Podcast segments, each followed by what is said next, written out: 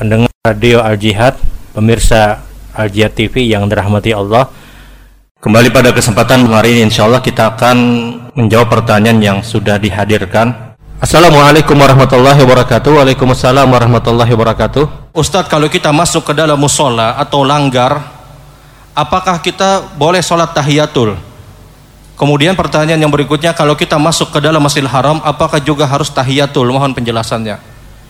Uh, alam kalau kita masuk musola, langgar, selain dari masjid yang tidak terjadi khutbah Jumat, Wallah alam apakah ada tahiyatul atau tidak? Karena pernyataan Nabi adalah idza dakhala ahadukumul masjid fala tajlis hatta yusalli rak'atain.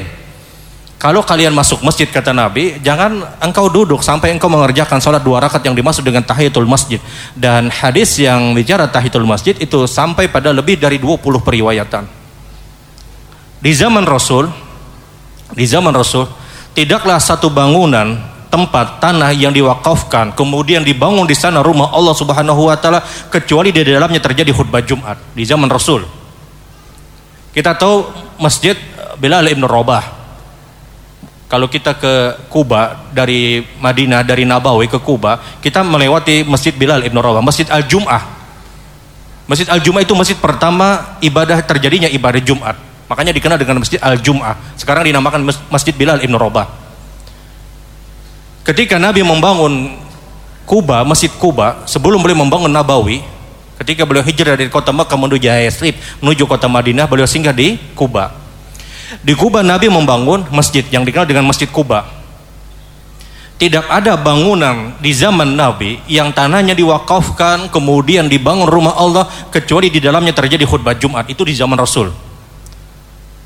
Sehingga tahiyatul masjid tetap berlaku terus di zaman Nabi Shallallahu Alaihi Wasallam. Masalahnya terjadi pada zaman kita hari ini.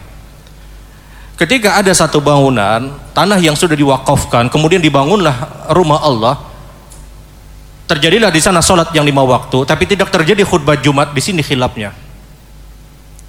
Di sinilah khilafnya. Makanya yang sampaikan tadi ini khilaf karena kalau berkaca pada zaman Nabi Shallallahu Alaihi Wasallam tidaklah satu bangunan yang dibangun kemudian di sana dibangun rumah Allah maka di dalamnya terjadi khutbah Jumat. Di tempat kita tahu musola tidak terjadi khutbah Jumat sehingga ini khilaf. Orang masuk musola apakah ada tahiyatul?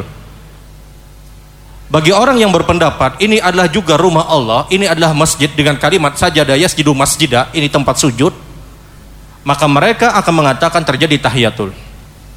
Karena mereka berfaham musola itu sudah sama seperti masjid. Sebahagian orang menyebutkan tidak terjadi tahiyatul. Kenapa? Yang masuk ke dalam musola, yang masuk ke dalam langgar, dia pun tasyakuk dan taradud. Dia pun ragu pada niatnya. Ini tahiyatul apa? Dia tahu ini musola. Dia tahu ini langgar. Tahiyatul langgar, ngalih benar niatnya.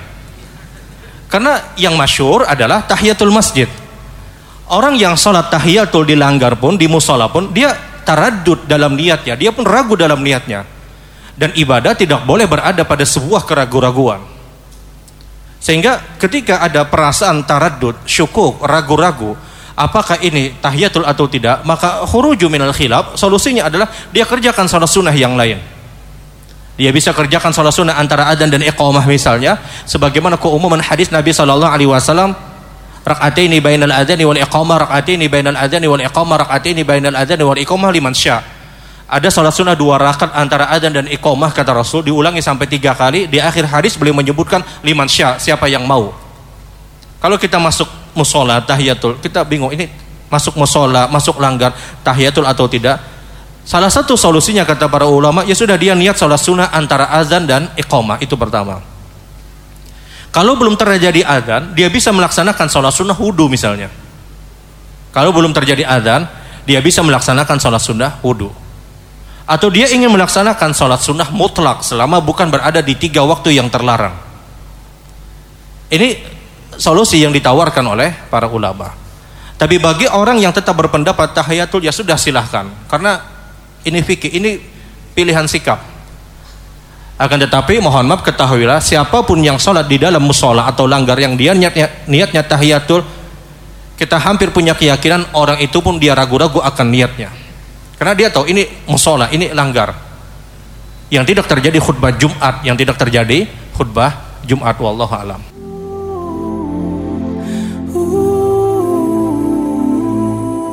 Program ini dipersembahkan oleh Embun Nabawi Wisata.